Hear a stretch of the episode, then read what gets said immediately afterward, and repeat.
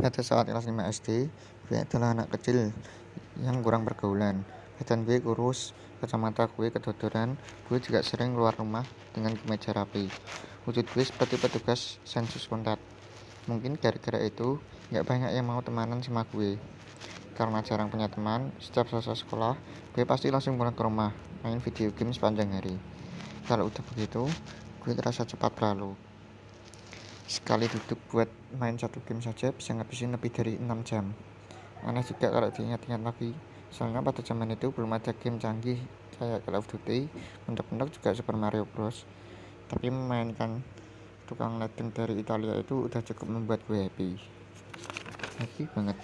Nyekap dan book up berulang kali mengingatkan gue untuk gak sering-sering main video game dan bermain yang beneran main dengan manusia-manusia normal.